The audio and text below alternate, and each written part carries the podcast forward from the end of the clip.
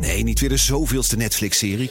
Kom naar de Monday Moves van BNR. Op maandag 18 maart zal op het podium Arend-Jan Boekenstein, Michal van der Toren, Geert-Jan Haan en Bernard Hammelburg.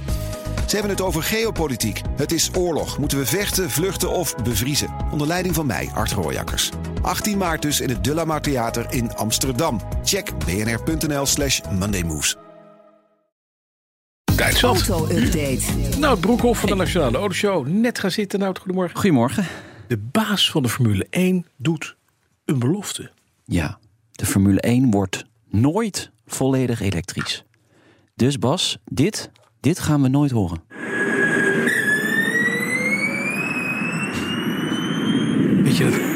Mijn grote vriend Carlo Brandsen was een keer bij zo'n race in Parijs. En die is bij rondje 2 in slaap gevallen op de tribune. en wakker gemaakt toen de finish er was. Want toen begon de muziek. Het gaat over de Formule E, hè? dat Ja. is eh, dit geluid. Ja, dat gaan we dus niet horen in de Formule 1. Nee. Wel fijn, eigenlijk. Er blijft altijd gewoon motorgeluid ja, horen. dat, eh, dat, is zegt wel- eh, Stefano Domenicali. Dat is de, de baas van eh, Formule 1 op dit moment. Hij eh, zegt wel dat de Formule 1 klimaatneutraal moet worden in 2030. Dus daar moeten ze wel stappen voor gaan zetten. En dat eh, doen ze dan met synthetische brandstof. Vaker over gehad, ook in de auto-update. Ja, ja. E-fuel. Dat zou CO2-neutraal zijn. Hoewel, daar zijn de meningen dan ook wel weer over verdeeld.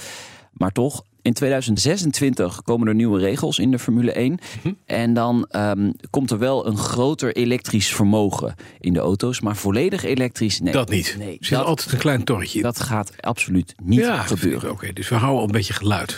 Ja, maar het, Slaap je zo Uh-huh. goed. gel- het geluid van de laatste jaren is ook niet om over naar huis te schrijven. Het is, ja, nee, oké, dat weet ik. Maar ik, heb- weet je, er is ook nog een verschil met de pijngrens opzoeken. ik was afgelopen zomer in Goodwood op de Revival. Ja. Nou, daar reed een auto rond en dat is een Amerikaans ding, een 16-cilinder. En dat maakt zo'n snerpend geluid. Het ge- is echt gewoon voorbij de pijngrens. Daar Ja. moet je echt de oordoppen in. Ja. En dan zit je als toeschouwer en denk je echt van, ja, is ook niet meer leuk. Nee. Er is ergens een optimum hè, tussen in slaap vallen en nog net een beetje geluid. Ik vind Ja. het wel goed. Ja, maar dat ze ik- Nou, doen en neutraal. Goed Dat zo. klopt.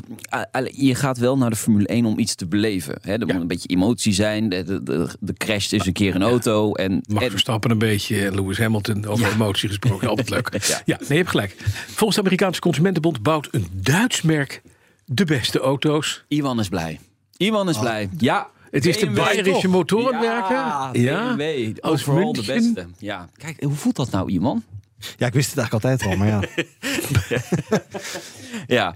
Nee, eh, had wel verwacht dat Japanse auto's zouden zijn of zo. Ja, Maar nee, blijkbaar dat, niet. dat is eigenlijk vrij opmerkelijk. Ehm, gekeken is naar eh, wegligging, betrouwbaarheid, tevredenheid van de klanten. Dus eh, Johan is ook geïnterviewd. Eh, veiligheid hebben ze het ook over. Nou, BMW scoort eh, gewoon het beste. Eh, vooral op de wegligging. Dat weten wij, Bas. Daar is BMW vrij goed in qua onderstel. En de enquête onder bestuurders eh, was ook heel erg positief. 81 punten voor BMW overal. Beter dan Subaru, die staan op 2. 3 Mini, ook een merk natuurlijk van BMW. Maar het is natuurlijk leuk om ook even onderaan te kijken. hè. Wat staat er Wat onderaan? staat daar dan? Bas, jij hebt toch een Jaguar? Ja. Die staat niet helemaal onderaan. Nee, die staat niet helemaal... Nog- eh, lager staat Jeep, maar helemaal onderaan Land Rover. Met slechts 45 punten. Ja, weet je wat? Het is Amerikaans Consumentenbond eh, onderzoek, hè? Ja. Waardeloze club.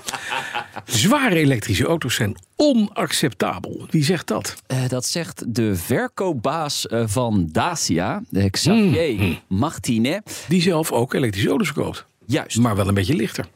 dat is inderdaad Ik, eh, zijn en nu zijn boodschap. motivatie, want ik ben heel benieuwd. Nou, hij zegt eerst grote SUV's met gigabatterijen. Ze slaan eigenlijk nergens op. Het is waanzin. Mensen in zo'n voertuig laten rijden van 2, 3 ton.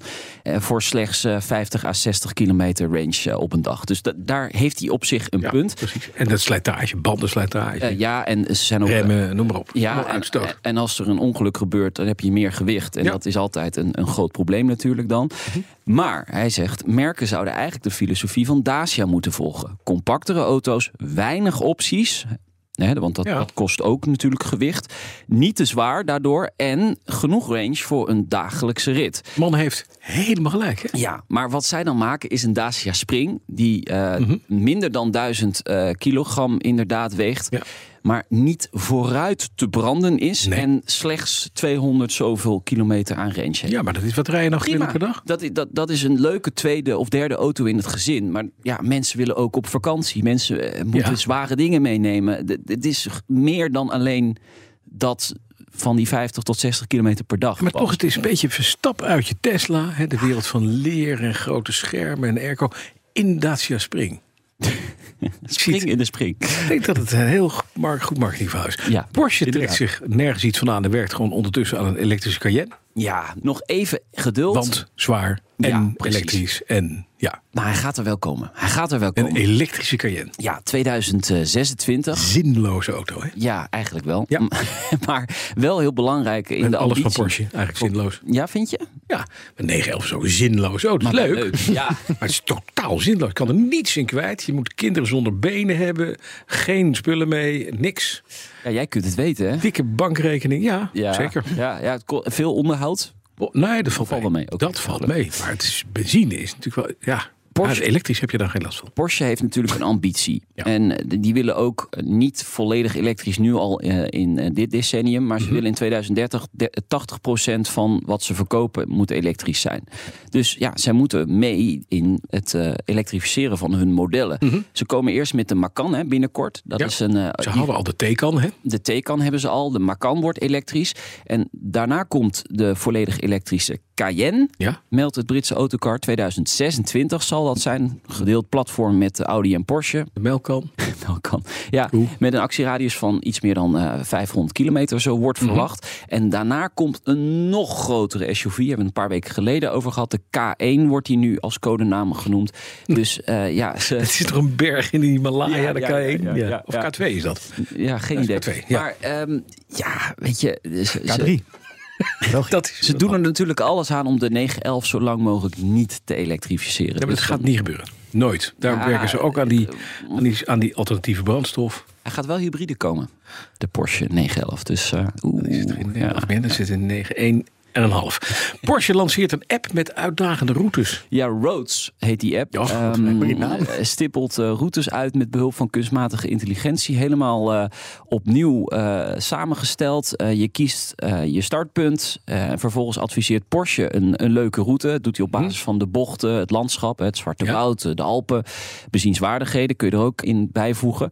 Eh, ja, het gaat niet echt om de snelste route, maar het gaat meer om... Wat Leuk. Is, ja, wat is leuk om te Ja, ja, rijden? precies. Ja, Alleen eh, ja, is die app dan heel goed ontvangen? Hij bestaat al wat langer. Hij is nu dus volledig geüpdate. Eh, de App Store, als je die bekijkt, de recensies zijn niet zo Nee, positief nee. nog. Maar ja, goed, hij is pas nu weer Het is ook vernieuwd. AI, hè? En we weten sinds, sinds de tech-update van morgen... dat AI in de, in, bij Microsoft hè, zich gedraagt als een boze tiener. Dus ik kan me voorstellen dat deze AI-app... je uiteindelijk altijd naar een McDonald's leidt. Je kan het ook online doen. Dus dan ga je naar roads.porsche.com en dan vul je in waar je start Ja. en hoe lang je hebt. En dan word ik van Amsterdam naar Monnikendam via Purmerend en dan Zaandam en dan weer teruggeleid. En dan bij de McDonald's eindigen. Zeg ik Ja. altijd. Via Tata Steel ook. Leuk. Ja. En bij de Porsche dealer. Heel raar. Ja, ja, precies. Hij gaat alle Porsche dealers langs. Ja, dat is ook wel handig. Ja, kan dat dan? En als die een foutje maakt, dan sta je opeens eh, In het water. ja, in het water. Ja. Dankjewel, Nout Broekhoff. Graag De gedaan. auto-update wordt mede mogelijk gemaakt door Leaseplan. Leaseplan. What's next? Een product market fit. Proposities, valideren, scalen, blue oceans, bootstrapping, burn rates, groeistrategie, schalen en disruption.